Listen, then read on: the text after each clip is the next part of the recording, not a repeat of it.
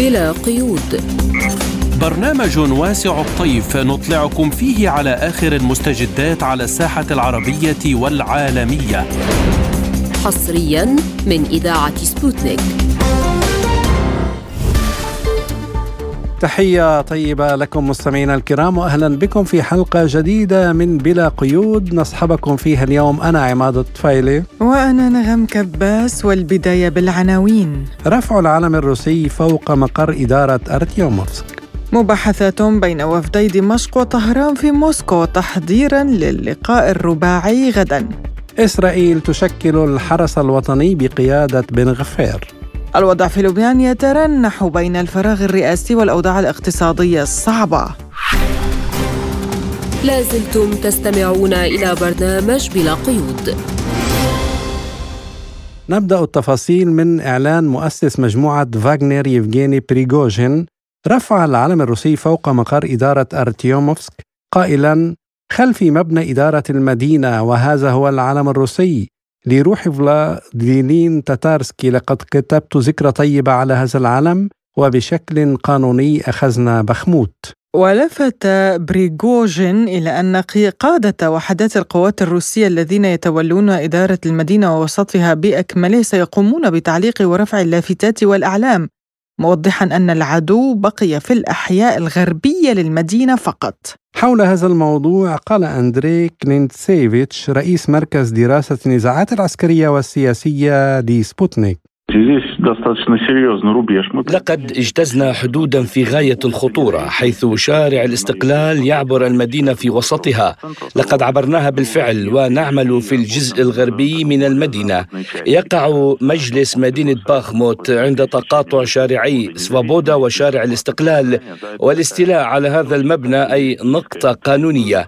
ينبغي فهم أن أوكرانيا قد اختارت الآن تكتيكات تلغيم تلك المباني الكبيرة التي يمكن يمكن أن تكون معاقلة وقاموا بتفجير مجلس المدينة ثم وضعت الأعلام على الأنقاض ولكن هذا لا يغير الجوهر فنحن ماضون قدما. في الواقع قمنا بتضييق الممر أمامهم إلى مستوطنات خروموفو وكراسنوي. سيحاولون شق طريقهم على طول الطريق الريفية عبر الأراضي الصالحة للزراعة من أجل دعم القوات التي تدافع هناك ولكن من الصعب جدا على عليهم القيام بذلك لأنهم تحت نيراننا ولا يمكنهم دفع احتياطاتهم التي جمعوها بالقرب من سلافيانسك وكونستانتينوفكا من أجل كسر الحصار. هناك قامت القوات المسلحة الروسية بالفعل بتثبيت سيطرتها على هذه المناطق، لذلك نحن نقوم بتضييق الخناق عليهم. كان هذا تعليق أندري كلينتسيفيتش رئيس مركز دراسة النزاعات العسكرية والسياسية وبعد أن أعلن نظام كييف الإخلاء والانسحاب من أرتيوموفسك تم إبلاغ السكان بالمغادرة مع عائلاتهم إلى أوكرانيا وبعد ذلك بوقت قصير بدأوا في إرسال الأطفال بشكل جماعي إلى المخيمات والمصحات. ناتاليا تكاتشينكا من سكان أرتيوموفسك وأم لطفلة تبلغ من العمر 13 عاما. قالت لسبوتنيك إن إجلاء الأطفال تم بشكل قسري لقد ذهب الأطفال في إجازة للاستراحة ولكنهم لم يعودوا من هناك. واضطر الأهالي للذهاب إلى أراضي أوكرانيا ضد رغبتهم بذلك. وبعد فترة بدأت خدمات الملاك الأبيض وفينيكس بعملية الإجلاء القسري للأطفال وقد شاركت بالإجلاء السيارات الخاصة بذلك والعسكريون الذين كانوا بكامل زيهم العسكري الرسمي يذهبون إلى العناوين عبر الأقبية ويخرجون الأطفال بالقوة من هناك حتى دون موافقة الأهالي على ذلك. لذلك كنا نضطر لإخفاء الأطفال وإرسالهم إلى عناوين أخرى في الأقبية وفي شقق فارغة لم يسبق لهم رؤيتها من قبل. لقد استمر هذا الأمر لمدة أسبوعين إلى ثلاثة أسابيع في فبراير شباط الماضي. أنا شخصيا أخفي عندي طفلة تبلغ من العمر أربع سنوات. كانت تعرف ما هي جمعية فينيكس وأنه يجب عليها أن تختبئ منهم. وعندما قالوا لها اهدئي جلست مثل القطة الصغيرة. أما نحن كنا نسرق النظر من النوافذ لرؤية هذه السيارات فيما إذا خرجت أو بقيت تومض في مكان ما. وفي حال اقترابها اقترابها من مدخل البناية كانت الفتيات الكبار يذهبن إلى الطوابق الأخرى حيث توجد مفاتيح لشقق باردة بلا تدفئة يجلسن فيها بصمت حتى تغادر السيارات فيعدن بعد ذلك إلى الشقق الدافئة. وأعلنت لجنة التحقيق الروسية اعتقال داريا تريبوفا المشتبه بها الأولى في تفجير مقهى سان بطرسبورغ الذي أودى بحياة المدون العسكري الروسي الشهير فلادلين تاتارسكي وأصيب 32 آخرون نقل منهم 24 إلى المستشفى. وبهذا الخصوص قال المحلل السياسي إيغر شاتروف لسبوتنيك هذه ليست أول جريمة قتل لصحفي روسي تتعلق بأنشطة مكرسة لحماية المصالح الوطنية الروسية، ولكن هذا لم يهتم به أبدا زملاؤنا الغربيون، لم يرفعوا صوتهم ابدا بشأن هذه القضية ولم يعلنوا ابدا عن تهديد للصحفيين من النظام الأوكراني. أخشى أنهم سيحاولون أن يصمتوا وهذه جريمه بحد ذاته. لقد ارتكبت هذه الجريمة بطريقة متغطرسة وخسيسة ومهددة للمجتمع. طبعا كان للصحفي أعداء كثر في أوكرانيا الذين لم يتمكنوا من مسامحته على الكلمات المباشرة والصريحة والصادقة حول حول سلوك القوات المسلحة الأوكرانية وكان يعرف هذا شخصيا لأنه قاتل لسنوات عديدة في صفوف المقاتلين من جمهوريتي لوغانسك ودانيسك الشعبيتين. لقد كان من الوطنيين الشرفاء الذين أعرفهم جيدا وغيابه خسارة كبيرة للشعب الروسي. والإعلام لا يسعه إلا أن يتحدث عن وفاته لكنني أخشى أن وسائل الإعلام في الغرب سوف تلتزم الصمت بالتأكيد بشأن هذا الأمر. فمن هو فلادلين تاتارسكي؟ مع الزميل محمد جمعة في التقرير التالي فلادلين تاتارسكي من مواليد منطقة ميكيفكا دانيسك. الاسم الحقيقي للمدون والمراسل الحربي هو ماكسيم فومن. بدأ المشاركة في الأعمال العدائية في دونباس عام 2014 عندما انضم إلى الميليشيا في هورليفكا خلال خدمته قام بتغيير العديد من الوحدات وقاتل في أماكن مختلفة في دونباس ثم بدأ الحديث عن الحياة اليومية في الخطوط الأمامية. الإسلامية وكتب الكتب حول ذلك. نشر كتابين الحرب وقصة السيرة الذاتية الهروب. كان يدير قناة تليجرام الخاصة به مع جمهور يزيد عن نصف مليون شخص. زادت شعبية المدون بشكل كبير منذ بداية العملية الخاصة الروسية في أوكرانيا. وكانت عناوين العلامات التجارية لتاتارسكي هي يوميات فلادلين وأمسيات فلادلين حيث نقل صورة الموقف على الجبهات وتحدث عن أبطال العملية الخاصة والحياة في دونباس. إلى ذلك قال أحد الأسرى من الجنود الأوكرانيين إن دبابات تشالنجر البريطانية الموعودة لم تصل أبدا إلى اللواء رقم 25 المنفصل المحمول جوا التابع للقوات المسلحة الأوكرانية. Обучение проходило с 25 октября по 2 декабря. استمر التدريب أكثر من شهر بقليل وكانت هناك فصول تدريب تكتيكية. كان أحد المدربين يتلاعب لقد أشعلنا النار وجلسنا حولها لا نفعل شيئا. قيل في فبراير شباط إن اللواء الخامس والعشرين سيستقبل دبابات شلنجر البريطانية ومن المفترض أن تصل بحلول نهاية مارس آذار. قيل لنا إننا بحاجة إلى الاحتفاظ بالموقع حتى نهاية شهر مارس. وبعد ذلك ستصل هذه الدبابات وسيكون الأمر سهلا. أين كل هذا؟ لا ناقلات جند مصفحة ولا غير ذلك. أعتقد من منظور عالمي برأيي الشخصي أن أمريكا تحارب بنا ضد روسيا. لازلتم تستمعون إلى برنامج بلا قيود. وللحديث عن هذا الموضوع ينضم إلينا عبر الهاتف من القاهرة الخبير العسكري الاستراتيجي الدكتور سمير راغب. أهلا بك دكتور في بلا قيود.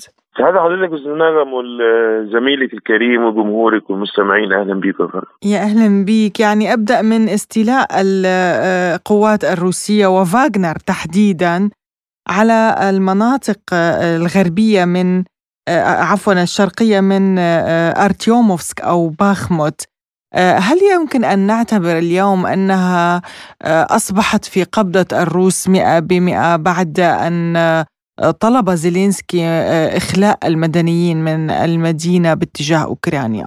أعتقد إحنا في المراحل الأخيرة من السيطره الكاملة لأن إحنا بالجغرافيا تقريبا 83% من مساحة ارتيوموفسك بخموت تحت سيطرة الروس سواء كان فاجنر بصفة خاصة يعني لأن يفجيني برجوجين لسه يعني نشر يعني امبارح على تليجرام فيديو هو فوق ال administration building اللي هو مبنى الإدارة.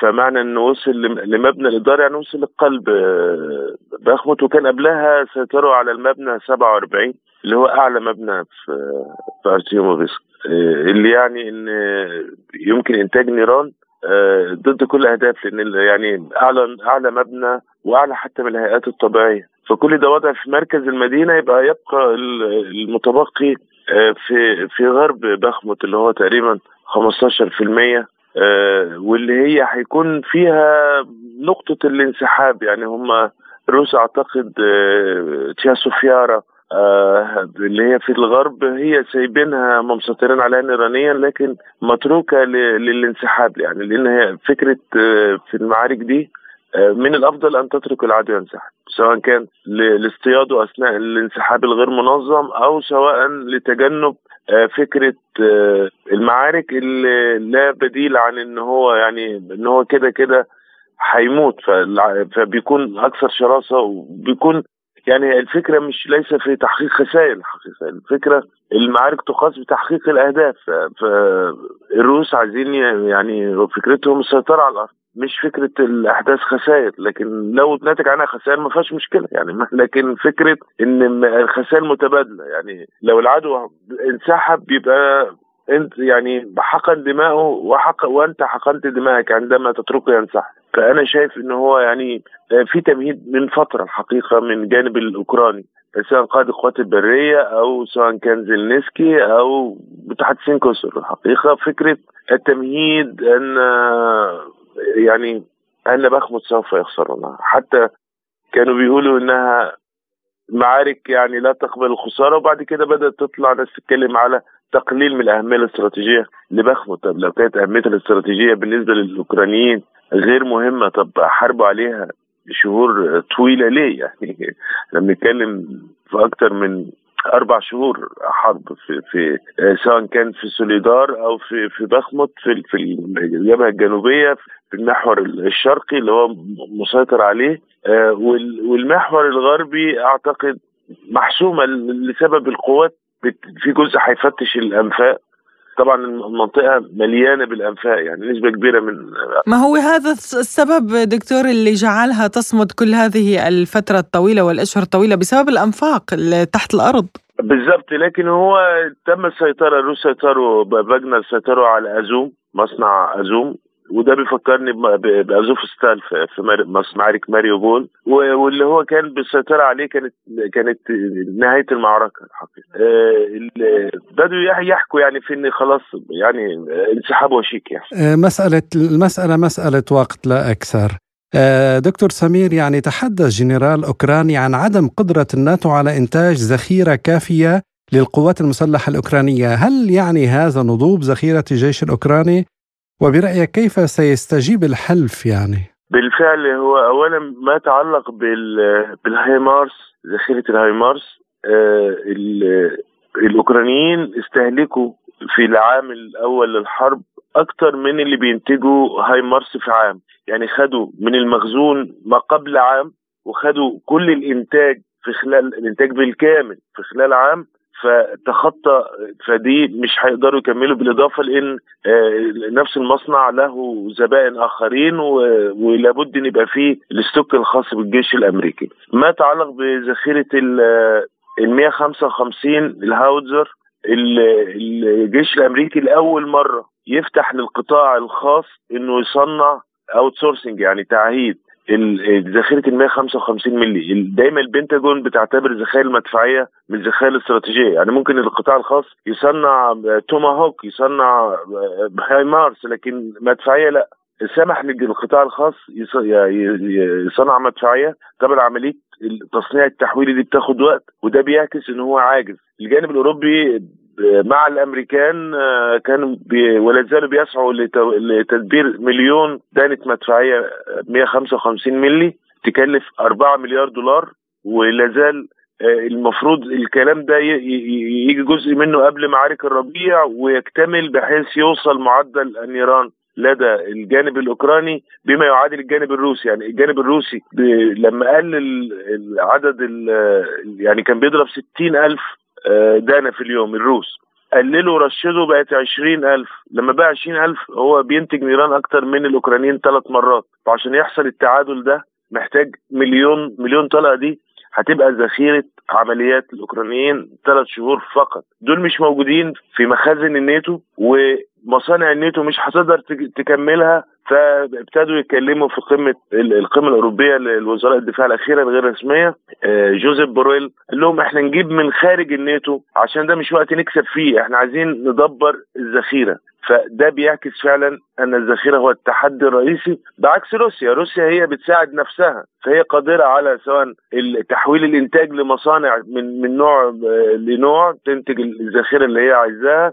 عندها الاستوكات عندها أكيد دول صديقة تحمل نفس أنواع الاعيره ده طبعا بالإضافة طبعا للدبابات اللي هتدخل. في برضه مشاكل في تدبير الدانات الدبابات وخاصة في تعدد في العيرة. دكتور سمير يعني عفوا على المقاطعة فيما يخص الدبابات وخصوصا تشالنجر يعني أحد الأسرى من الجنود الأوكرانيين يقول إنه هذه الدبابات البريطانية الموعودة لم تصل ابدا إلى اللواء رقم 25 المنفصل المحمول جوا. تابع للقوات الأوكرانية. يعني برأيك هل ما يتم الإعلان عنه من دعم وغير مجرد حملة إعلانية دعائية لا أكثر ولا أقل يعني لإعطاء معنويات للأوكرانيين؟ بالفعل هو ده في كل الحروب. يعني موضوع المعنويات وإن الدبابات هم بالمناسبة 14 دبابة. تاني حاجة أنا يعني كعسكري مش ظابط معايا فكرة إن تشالنجر اللي هي فوق 60 طن تبقى في اللواء محمول جوا في اللواء 25 يعني دي مش وازاي التشالنجر آه، هتشتغل مع المردر وهتشتغل مع الاسترايكر إحنا بنتكلم في 16 طن و30 طن ويعني 61 طن وفي دبابات أخرى 71 طن بالمناسبة.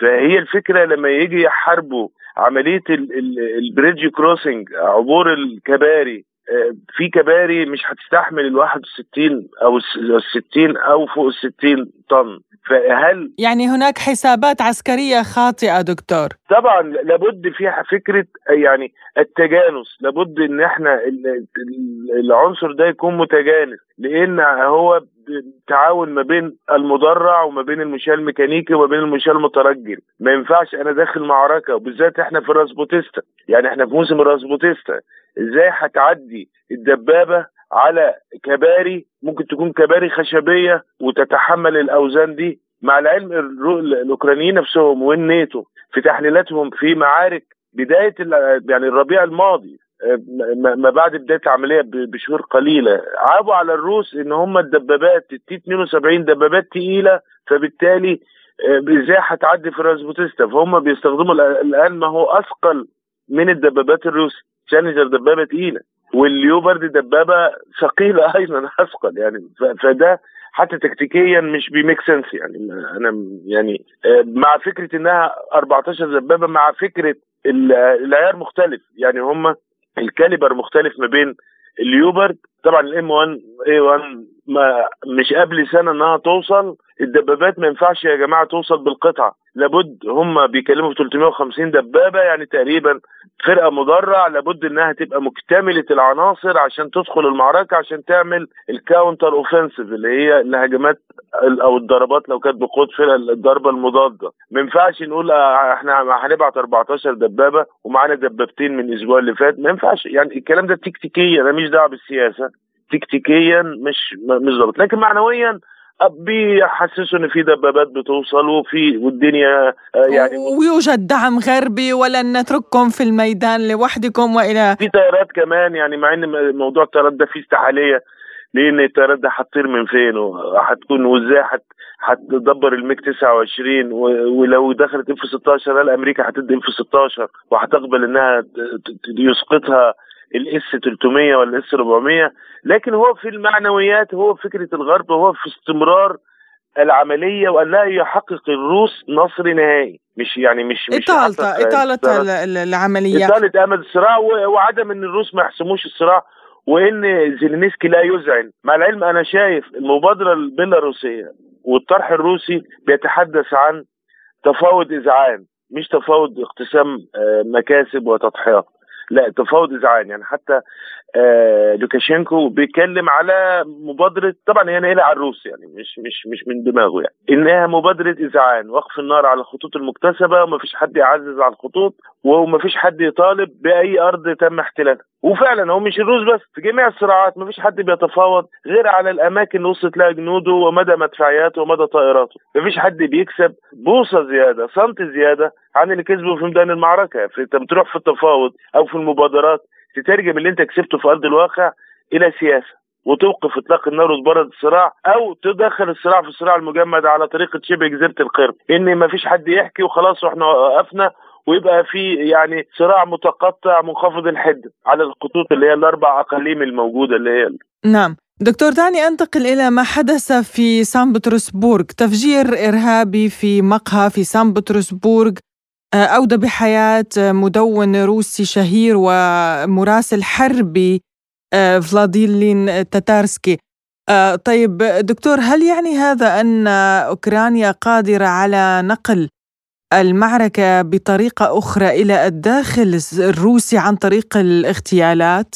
طبعا يفجيني بريجوجين كرمه كتب اسمه على العلم اللي رفعه فوق ال administration building مبنى الإدارة في أرتيموفسك وتحدث عنه عن بطولته يعني عمل له رسائل معاه الحقيقة وده كان طبعا تكريم من من من فاجنر فكرة الطابور الخامس أو الحرب اللي هي في في العمق أعتقد الروس مستعدين ليها. وأعتقد لن تكون مفاجأة لسبب فكرة التداخل العرقي ما بين الروس وما بين الأوكرانيين و... و... يعني ما تقدرش تفصلهم يعني. وحتى الآن يوجد آلاف الأوكرانيين في روسيا في كل المدن الروسية. وفي منهم ناس يعني ناس طيبين وبي بي يعني بيذهبوا لأعمالهم وأبنائهم يذهبون للمدارس وبيعيشوا حياة طبيعية يعني ما, ما لا يحملوا عداء للروس. لكن لو لو افترضنا إن في نسبة واحد في الألف منهم آه، بيحملوا الأجندة الخاصة بزيلينسكي بيوكرينيان أكيد يمثلوا عدد ضخم وأكيد يمثلوا تحدي للأمن وخاصه مكتب الأمن الفدرالي الروسي آه، في فكرة اللي هو النشاط الوقائي لجهاز المخابرات من من أنشطته يعني غير النشاط البحثي إن يجيب معلومة غير النشاط التعرضي إن هو يعمل عملية في نقطة أخرى. إحنا بنتكلم على عمليات تعرضية بيقوم بيها المخابرات الأوكرانية مدعومة من المخابرات الغربية عمليات تعرضية داخل العمق الروسي. الأمن الروسي مسؤول عن تحدي الأمن الوقائي هو أن يمنع العمل التعرضي للجانب الأوكراني سواء في منبعه اللي هو أوكرانيا داخل أوكرانيا نفسها أو سواء بالنشاط البحثي اللي بتقوم به المخابرات الروسية داخل العمق الأوكراني عشان تمسك الشبكات اللي لها امتدادات داخل الجانب العمق الروسي فده تحدي هو جزء من المعركة. يعني ضباط المخابرات يعني في الأغلب لا يحملون السلاح ويذهبون إلى الميدان لإطلاق النيران لكن هم ليهم دور في كل الحروب في فكرة العمل التعرضي والعمل البحثي والنشاط الوقائي يعني النشاط الوقائي ده مهم جدا. آه، هتكتر كل ما فقد الأوكرانيين قدرتهم على الحسم أو تحقيق اتزان في ميدان المعركة. ده مش خاص بالأوكرانيين والروس ده خاص بكافة صراعات. لما يكون آه، فكرة الحسم في الميدان هي الأبقى وهي الأبدى إنك تحسم في الميدان.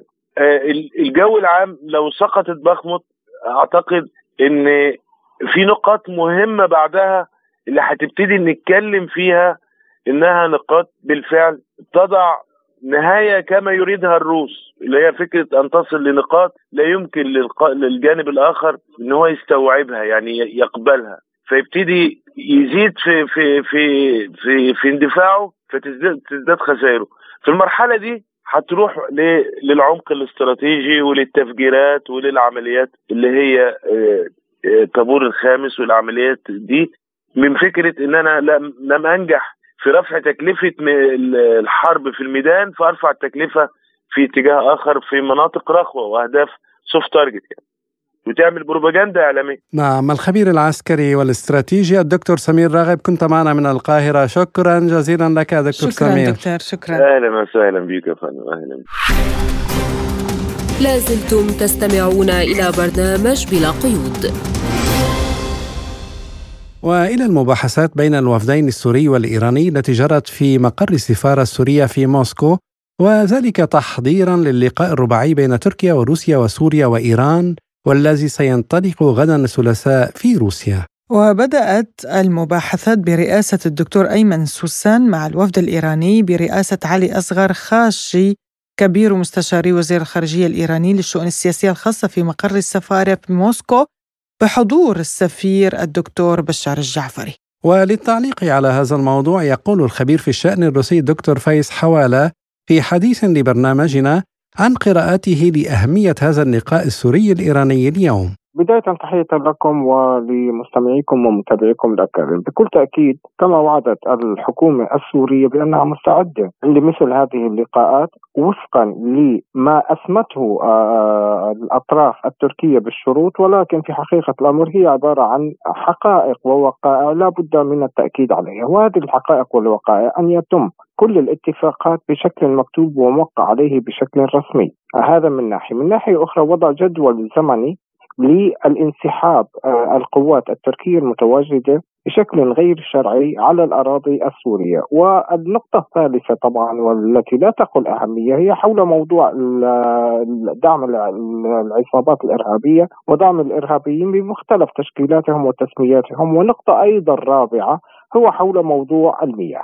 هذه هي النقاط الأربعة. والوفد الذي يزور روسيا الاتحادية منذ يوم أمس واليوم بدأ اجتماعاته التحضيرية وهذه البداية كانت مع الوفد الإيراني الذي أيضا سيكون ضمن الطرف الرباعي للتحضيرات والاجتماعات يوم الغد. طبعا هي لتوثيق وتثبيت الاتجاهات وتأكيد الوقائع وما إلى غير ذلك. بكل الأحوال هناك معلومات تقول بأن الطرف التركي أصبح نوعا ما جاهزا لمثل هذه الاتفاقيات إن صح التعبير تسميتها مع العلم أنه في المرة الماضية عندما حضر أيضا الوفد الروس السوري إلى موسكو ولكن لم يتم إجراء المقابلات مع الوفد التركي ونسبوها لأسباب فنية. لا أكثر ولا أقل وهي في حقيقة الأمر عندما رفض الجانب التركي أن يوقع على أي ورقة. بمعنى آخر أن روسيا الاتحاد سوريا كما روسيا الاتحادية وكما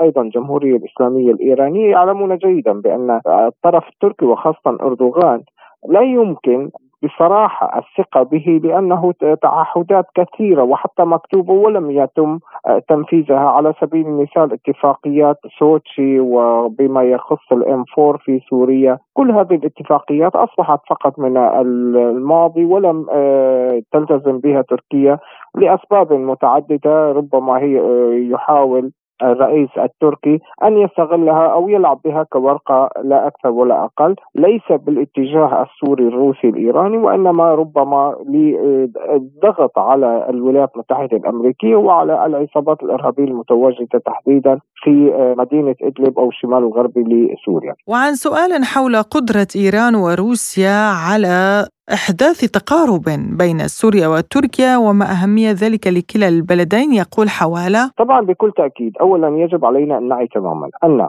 المستشارين الإيرانيين والقوات الروسية متواجدة على الأراضي السورية بدعوى رسمية من الحكومة السورية الشرعية بمعنى آخر أن تواجدهم بشكل شرعي لمكافحة الإرهاب ومساعدة الجيش العربي السوري بمكافحة الإرهاب. أما القوات التركية فهي متواجدة بشكل غير شرعي وبالتالي عليها أن تغادر.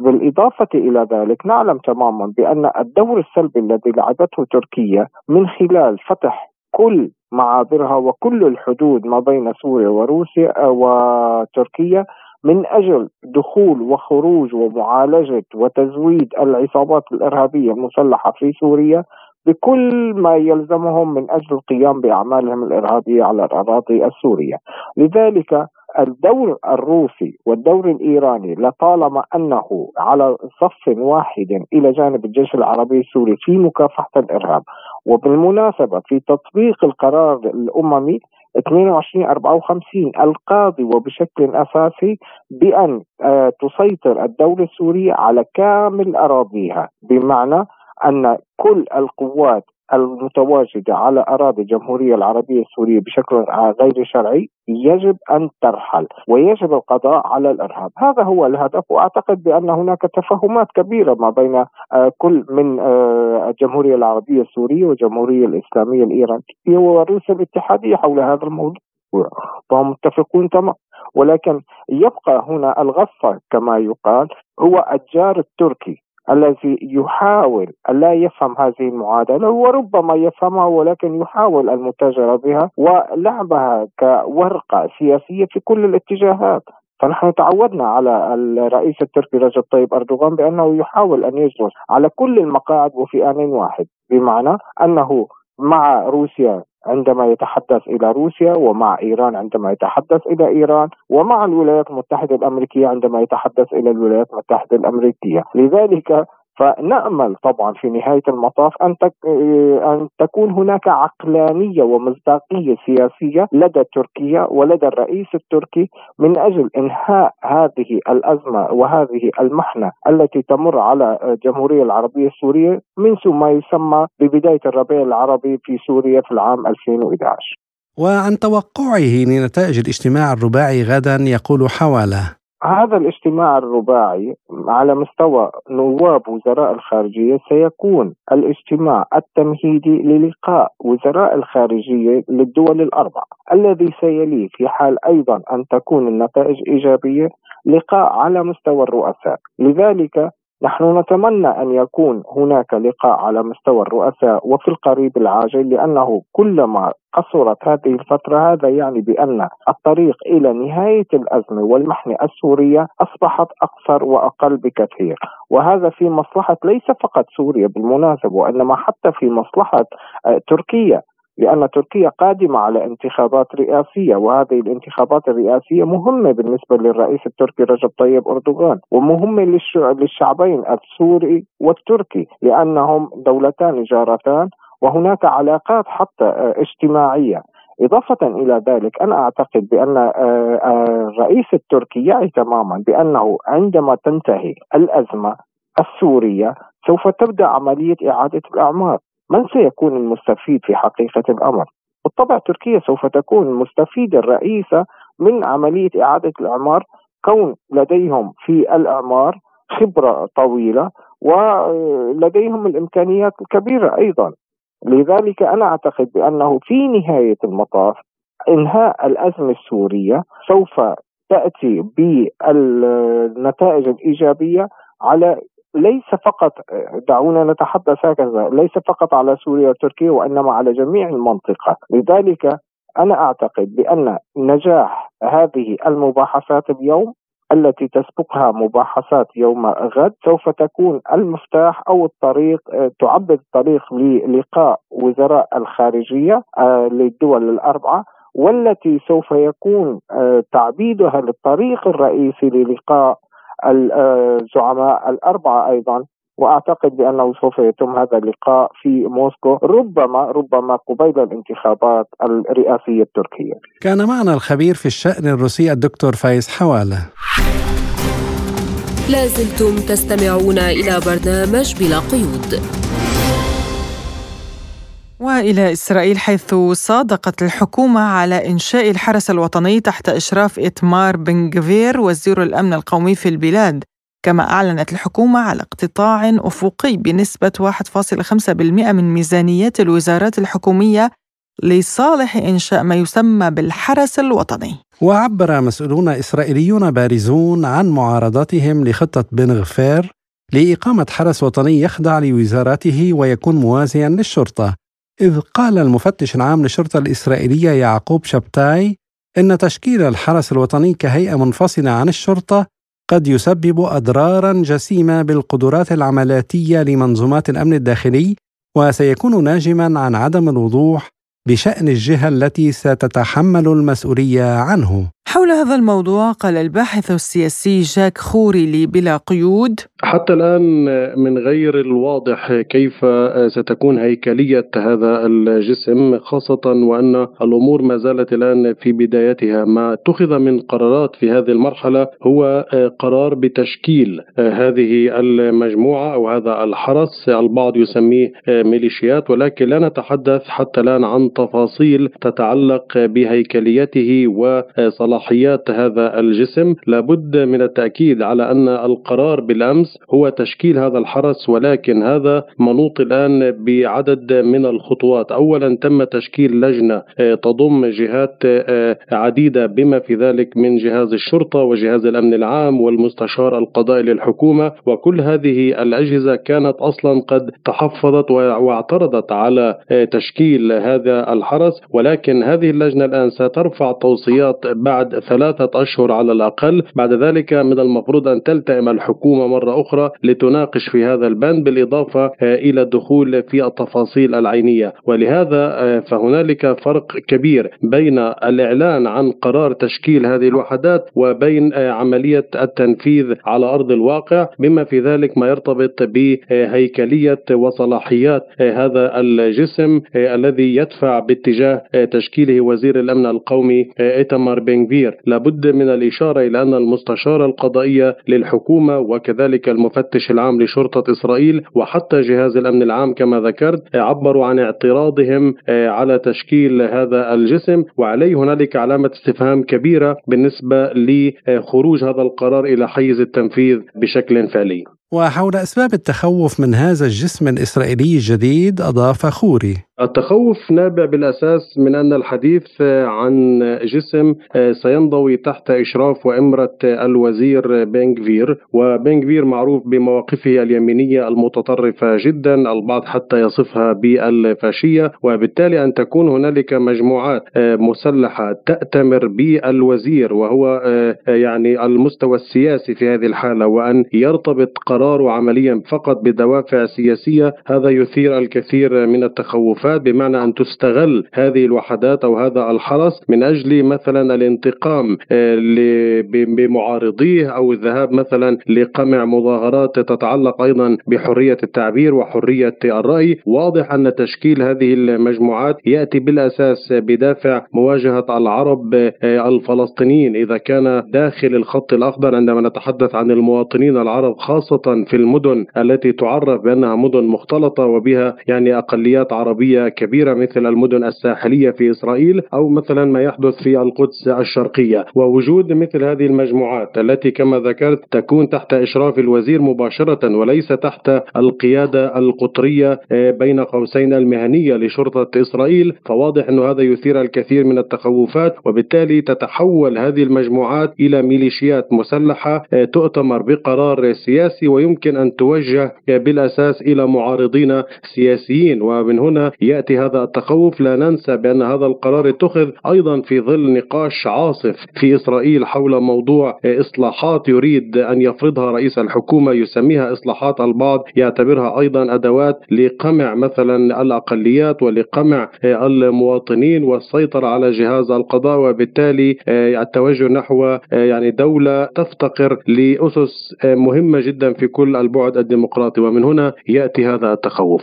واعتبر خوري أن تشكيل الحرس الوطني كهيئة منفصلة عن الشرطة سيعمق الانقسام بين الإسرائيليين أنفسهم. يعني واضح أنه هذا الاعتراض بالأساس يأتي لأسباب عديدة منها البعد السياسي أن الحديث الآن عن دوافع سياسية يأتي بها بنغفير لتشكيل هذا الحرس وكما ذكرنا بأنه يرتبط بالأساس لقمع معارضيه ولكن هو يريد أن يوجه هذه الميليشيات أو هذه المجموعات كصوت ضد العرب بالأساس وضد الفلسطينيين خاصة في القدس الشرقية وكما ذكرنا أيضا في المجتمع العربي داخل إسرائيل. إسرائيل ولكن كما هو معروف وواضح في مثل هذه الأمور ما يبدأ بمثلا قمع أقليات أو جهات مثلا قد لا تكون منضوية تحت سياسة هذا الوزير أو ذاك قد يصل أيضا إلى معارضيه السياسيين حتى داخل المجتمع الإسرائيلي. وهذا الصباح كان قد تحدث أحد وزراء بنغفير وهو ناشط في حزبه أن هذا الحرس سيعمل بالأساس ضد من يشكك أو يشك بولائه لدولة إسرائيل. بمعنى إما أنت موالي بشكل كامل وإما أن تكون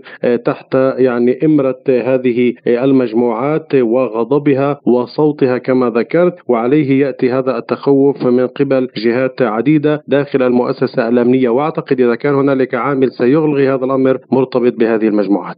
استمعنا إلى تعليق الباحث السياسي جاك خوري. لازلتم تستمعون إلى برنامج بلا قيود. وإلى لبنان حيث تكشف كل المعطيات السياسية على الساحة اللبنانية أن ملف انتخاب رئيس الجمهورية لا يزال أسير المراوحه والدوران في حلقة الأخذ والرد بالرغم من كل ما يحاك من سيناريوهات حول الدور الفرنسي والسعودي بهذا الخصوص. بينما لوحظ أن زيارة رئيس تيار المردة سليمان فرنجي إلى باريس لم تحقق الاختراق المطلوب بملف الانتخابات الرئاسية. ولم تؤدي كل المساعي المبذولة على هذا الصعيد إلى إيجاد مرشح توافقي يستطيع أن يستقطب جميع الأطراف اللبنانيين نحوه من جهة ويكون قادرا على الانفتاح على كل الدول العربية. وللتعليق على هذا الموضوع يقول النائب في البرلمان اللبناني قاسم هاشم في حديث لبرنامجنا عن قراءته عن الأسباب التي تمنع انتخاب رئيس جديد للبلاد. يعني بغض النظر عن مبادرات الخارجية المشكورة لكل أسبابه ودوافعه إلا أن موضوع الاستحقاق الرئاسي هو موضوع وطني سيادي بامتياز وهو مسؤولية القوى السياسية قبل الخارج. كان اقليميا أو دوليا أو عربيا. ولكن طبعا في كل الأحوال نحن أي مساعدة مشكوره وقد تساهم اسهامات إيجابية. وأي طبعا تقارب أو أجواء إيجابية على مستوى العلاقات الخارجية تترك اثرها الإيجابي لأن لبنان لا يعيش في جزيرة منعزلة. ولكن دائما وابدا تبقى المسؤولية هي وطنية بامتياز مسؤولية القوى السياسية والكتل النيابية. وحتى الخارج رغم كل ما يقال فهو يحث اللبنانيين على ضروره الخروج من الأزمة والتفاهم على مخارج لأزمة الاستحقاق الرئاسي.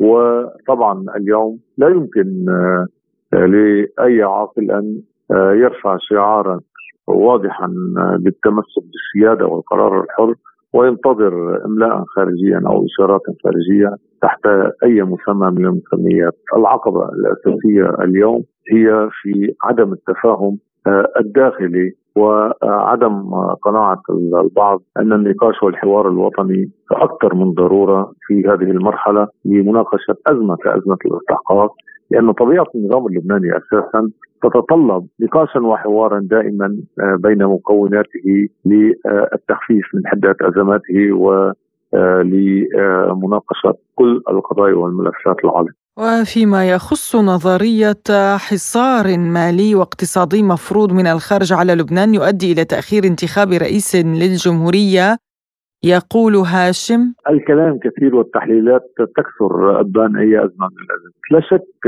لبنان يقع على ترك أزمات المنطقة نتيجة موقعه وتركيبته تداخل الكثير من الأزمات الداخلية مع قضايا المنطقة خاصة أن لبنان يعتبر اساسيا في قضية الصراع مع العدو الإسرائيلي.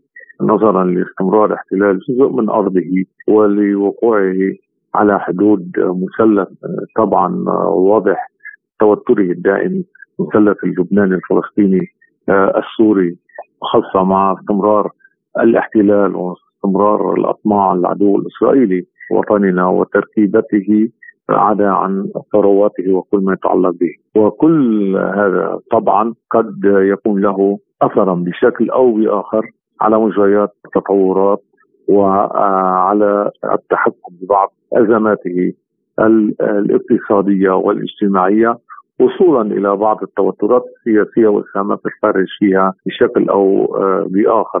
ولكن دائما وابدا آه، يبقى خلاص آه، وطننا بأيدينا كلبنانيين لتحسين واقعه في مواجهة التحديات ووضع حد لأي تدخلات قد تؤثر سلبا في أي لحظه. وعن سؤال يخص مفتاح الحل لأزمة الفراغ الرئاسي ووقف تدهور الأمور في البلاد يقول هاشم. الحل أصبح واضحا طرحه دولة رئيس نبيه بري منذ فترة طويلة وهو آه، بأن يكون هنالك حوارا ونقاشا وطنيا بين القوى المعنية للتفاهم على آليات المخارج الوطنية لهذا الاستحقاق. آه، وهذا الأسهل وأكثر الطرق إلى الاستحقاق الرئاسي وتقصير أمد الشهور آه، الرئاسي. ولهذا كان دعم آه، لمرشح معين على أمل أن تأخذ القوى السياسية موقفا واضحا طبعا من كيفية مقاربة الاستحقاق للوصول على التفاهم على آليات معينة للذهاب إلى جلسة انتخابية وفق آليات محددة متفاهم عليها سواء كانت بالمواصفات أو حتى بالتفاهم على سلة من الأسماء. قد يكون اسما أو أكثر من اسم وعندئذ من ستختاره الاكثريه وفق الآلية الدستورية؟ في المجلس النيابي سيكون آه، هو الرئيس وهذا أكثر الطرق ولكن هذا يتوقف على موقف القوى آه، السياسية لتتلقف. آه، طبعا كل الايجابيات التي تجري في المنطقة وأدى نحو تفاهم داخلي. فللأسف طبعا الذي نرى أن الخلافات الكبيرة التي تحيط بلبنان في الإقليم والمنطقة تأخذ طريقها إلى الحلول عبر نقاش وحوار نرى البعض حتى اللحظة آه، يجافي الحقيقة ويبتعد عن هذا الحوار المطلوب والذي هو أكثر الطرق للوصول للاستحقاق الرئاسي كان هذا ما قاله النائب في البرلمان اللبناني قاسم هاشم. بدوره يقول الخبير في الشأن اللبناني حسان الحسن في حديث لبرنامجنا عن الأسباب التي تمنع انتخاب رئيس جديد للبنان. يبدو أن الحركة الفرنسية اتجاه لبنان حركت هالمياه الراكده في الملف الرئاسي. ولكن تبقى تبقى الأمور يعني مرهونة بالخواتيم. آه، وهي كما علمنا استقبلت أكثر من مرشح يعني وطرحت أسئلة على المرشحين. والمعروف من هؤلاء المرشحين إلى النائب السابق سليمان فرنجية عيسى المردان آه، الوزير السابق آه، جهاد الزهور والوزير السابق زياد بارود. يعني هذا المعلومات آه، عن المرشحين الذين سافروا إلى باريس وأجروا محادثات مع الجانب الفرنسي آه، كي آه، يعني الجانب الفرنسي من جهته يتابع الأمر مع الجانب السعودي لما لما للمملكه العربية السعودية من تأثير في لبنان تحديدا عند أهل السنة ونواب السنة. حتى الآن يعني لم يفصح عن نتائج يعني لازلنا بطور المحادثات آه، المقابلات مع المرشحين.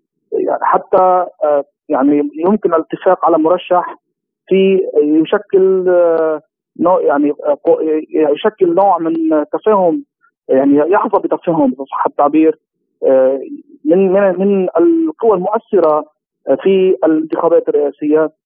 طبعا الثنائي كما معلوم في لبنان الثنائي الشيعي حزب الله وحركة أمل وبالإضافة إلى القوى الأخرى. هلأ حتى الساعة المرشح المطروح آه آه يعني بالإعلام أكثر من سواه هو النائب السابق سليمان فرنجي وعن الأسباب التي تمنع رئيس التيار الوطني الحر جبران بسيل أن يعلن ترشيحه يقول الحسن. هلأ السبب هو يعني منذ البداية آه، النائب جبران باسيل طرح الخيار الثالث. كما كما اسماه يعني الخيار الثالث أن يكون مرشح آه، غير محسوب على أي جهة. يعني كما هي الأجواء في المنطقة تسويه آه، وفي أجواء التسويه مطلوب أن يأتي آه، رئيس جمهورية مقبل في لبنان يحظى بشبه اجماع وباكبر نسبة تأييد من المجلس النواب اللبناني. فاليوم يعني باسيل هو محسوب على طرف المحور وهو يدرك هذا الأمر تماما ولذلك يطالب بالخيار الثالث. الخيار الثالث يعني طرح آه، شخصيات معينة مثل النائب السابق مثل عفوا الوزير السابق جهاد أزعور ممكن كذلك الأمر الوزير السابق زياد بارود. لا مشكلة قد يكون في تأييد النائب عفوا الوزير السابق أيضا ناجي البستاني وهو سياسي عريق في لبنان وله تواصل مع مختلف الأطراف اللبنانيين. يعني ولكن آه، آه، باسيل والتيار الوطني الحر آه، يعني ابدوا رفضهم لترشيح فرنجي وهذا الأمر يعني خلق فتور مع الحليف مع حليف التيار الوطني الحر الأساسي في لبنان وحزب الله. وحول فرضية استمرار الفراغ الرئاسي لفترة طويلة يؤدي إلى الفراغ والفوضى في البلاد يقول الحسن. أنا أستبعد هذه الفرضية. بالكامل الوضع في لبنان لا يتحمل الانتظار كل هذه المدة الوضع الاقتصادي الضاغط الوضع المعيشي مطلوب في البداية انتخاب رئيس جمهورية تشكيل حكومة إنقاذ للخروج من هذا النفق المظلم الذي دخل فيه لبنان. فاستبعد هذه النظرية. ولكن هناك شق إيجابي بسنه 1982 هو الاتفاق بين القوات اللبنانية والعماد بن انذاك يعني لم يكن في تيار النحور كان قائدا للجيش على رفض مرشح يعني حاول الجانبين الأمريكي والجانبين الأمريكي والسوري فرضوا على لبنان أنذاك المرحوم خير الظاهر، كان هناك يعني تقاطعت المصالح بين الطرفين رفضوا آه، ترشيح الظاهر. فنحن نأمل أن يتقاطع تتقاطع المصالح مع الطرفين آه، آه، يعني في بشكل إيجابي وأن يعني يصل يصلان إلى اتفاق حول رئيس جمهورية مقبل. طرحه في مجلس النواب ثم انتخاب رئيس جمهورية كي يخرج لبنان من هذا النفق و من تكون تكون يعني هو البداية لوضع حد لهذا الانهيار الاقتصادي والوضع المعيشي الضاغط وغير المسبوق في تاريخ لبنان. كان معنا الخبير في الشأن اللبناني حسان الحسن. لازلتم تستمعون إلى برنامج بلا قيود. ومن السياسة إلى الاقتصاد حيث أعلنت السعودية والإمارات والكويت وسلطنة عمان والعراق والجزائر عن تخفيض طوعي في إنتاج النفط بنحو 1.071 مليون برميل يوميا ابتداء من الشهر المقبل وحتى نهاية العام الحالي. وأوضح مصدر في المنظمة أن هذا التخفيض الطوعي للإنتاج يضاف إلى تخفيض الإنتاج الذي اتفق عليه في الاجتماع الوزاري الثالث والثلاثين لدول الأعضاء في منظمة أوبك والدول المنتجة من خارجها أوبك بلس الذي عقد في الخامس من أكتوبر تشرين الأول الماضي مؤكدا أن هذه الخطوة هي إجراء احترازي يهدف إلى دعم استقرار أسواق البترول. وبعد هذا القرار قفزت أسعار خام غرب تكساس الأمريكي لتصل ل 8% وهو أكبر تحرك خلال اليوم منذ أكثر من عام ليتم تداوله عند مستوى 79 دولارا و8 سنتات للبرميل كما يتداول سعر خام برنت فوق 84 دولارا للبرميل بعد أن قفز بأكثر من 5%. حول هذا الموضوع قال المحلل الاقتصادي ديمتري غولوبوفسكي من أجل تجنب تخفيضات الأسعار تم اتخاذ مثل هذا القرار. خلاصة القول هي أنه إذا لم يتم ذلك لكان من الممكن أن تكون أسعار النفط أقل بكثير مما هي عليه الآن. جدير بالذكر أنه في عام 2020 عندما حدث الركود المرتبط بفيروس كورونا فجأة انهار سعر النفط بالقرب من الصفر. بالنسبة للعقود الآجلة كان بشكل عام أقل من الصفر. ثم نشأ هذا الوضع لأن حرب الأسعار قد بدأت بين روسيا والسعودية. أعتقد أن سعر النفط سيرتفع وأعتقد أنه دخل فترة من النمو السريع للغاية على غرار تلك التي كانت في أوائل العقد الأول من القرن الحادي والعشرين. أولا لأن أوبك تسيطر على السوق. ثانيا لأن المخاطر الجيوسياسية في الشرق الأوسط عالية جدا. وثالثا يدخل الدولار فترة ضعف دورية. ففي هذه الحالة ليس من المنطقي بيع النفط مقابل الدولار الذي سيصبح أرخص على المدى الطويل. على وعلى ذلك تقوم المملكة السعودية بالفعل بتحويل العقود مع جنوب شرق آسيا والصين إلى اليوان. لذلك كل ما تفعله أوبك هو منطقي. وللحديث عن هذا الموضوع ينضم إلينا عبر الهاتف خبير الاقتصادي والنفطي الدكتور همام الشماع. أهلا بك دكتور ونبدأ من هذا القرار الذي أدى إلى زيادة الأسعار مباشرة. هل تعتقد أن هذه زيادة مؤقتة كرد فعل لسوق أو أنها ستستمر حتى نهاية العام؟ خفض الإنتاج يؤدي إلى ارتفاع السعر، تناقص الطلب يؤدي إلى ارتفاع تناقص العرض يؤدي إلى ارتفاع الأسعار عموما ولكن تعرفون أن الولايات المتحدة لن تقف مكتوفة الأيدي سوف تحاول بشتى الطرق زيادة المعروض سواء من خلال إخلاص الخزين استراتيجي أو زيادة منصات التنقيب عن النفط ذات الأثر النفسي على السوق أو من خلال آه، إحداث تغيرات سياسية تساعد على الإنتاج زيادة الإنتاج في بعض الدول التي لديها قدرات إنتاجية ولكنها متوقفة أو متعطلة كليبيا مثلا. لدى الولايات المتحدة أساليب مختلفة لزيادة المعروض قد تؤدي إلى وقف الزيادات في العرض. ناهيك عن أن روسيا نفسها يعني لديها مصالح في زيادة مبيعاتها من النفط وقد تحدث بعض المبيعات خارج آه، الاتفاق في بعض البلدان التي تحتاج إلى الموارد. على كل حال هذا الارتفاع يعني إذا لم يخلو به آه، أطراف أوبك بلس سوف يستمر حتى نهاية العام بكل تأكيد. ولكن يجب الحذر من آه، الأعيب وكاله الطاقة الدولية والولايات المتحدة. نعم.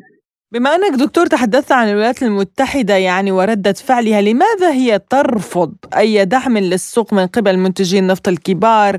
كيف يمكن أن تتصرف؟ وخاصة أن أوبك آه، بلس أو زائد آه، يتصرفون حسب السوق ومعطيات السوق. يعني الولايات المتحدة تريد ضمان امدادات الطاقة لأوروبا وفي نفس الوقت تريد آه، أن لا يزداد التضخم العالمي وينعكس على مستويات الأداء الاقتصادي والركود لأن أوروبا الآن هي التي دخلت الحرب نيابة عن أوكرانيا ضد روسيا وبالتالي تريد أن تدعم آه، الاقتصاد الأوروبي في مواجهة روسيا لنصرة أوكرانيا هذا هو الهدف آه، الرئيسي للولايات المتحدة وبالتالي يعني سوف تسعى بكل الوسائل السياسية والاقتصادية للحد من ارتفاع السعر. الخبير الاقتصادي والنفطي الدكتور همام الشماع شكرا جزيلا لك. مشروع رحمة الرمضاني لمساعدة المحتاجين. وإلى فقرة رحمة رمضانية حيث دشنت العديد من المؤسسات الأهلية الخيرية في الجزائر مبادرات رمضانية تقدم من خلالها مساعدات للفئات المتعففة بما يعكس روح التضامن والتكافل في البلد العربي الإسلامي. ومن بين عديد الجمعيات الأهلية حرصت جمعية البركة الجزائرية للعمل الخيري والإنساني على تقديم الدعم إلى الداخل الجزائري وخارجه، حيث وصلت المساعدات إلى سوريا وقطاع غزة عبر طرود كبيرة تصل للآلاف خارج البلاد. ويقول مرابط خالد عضو اللجنة الوطنية بالإعلام لمؤسسة البركة الجزائرية إن المؤسسة نفذت مشروع توزيع الطرود الغذائية تحت شعار الأمة الواحدة حيث وزعت آلاف الطرود الغذائية على العائلات والأسر المتعففة انطلاقا من الداخل الجزائري وصولا إلى فلسطين وسوريا والأردن ولبنان والروهينجا وأفغانستان والصحراء الغربية والعديد من الدول الأخرى في إطار الحملة التي انطلقت مع بداية شهر رمضان. وفي حديثه لسبوتنيك يوضح خالد أن المؤسسة نظمت خلال الشهر الفضيل موائدا للإفطار للصائمين في باحات المسجد الأقصى وثلاثين دولة أخرى فضلا عن إفطار لعابري السبيل بكل ولايات الجزائر وهي مستمرة طوال الشهر. بهذا الملف نختم وإياكم. مستمعين حلقة اليوم من بلا قيود قدمناها لكم من استديوهات سبوتنيك في موسكو. أنا نغم كباس. وأنا عماد الطفيلي وشكرا لإصغائكم وإلى اللقاء. إلى اللقاء.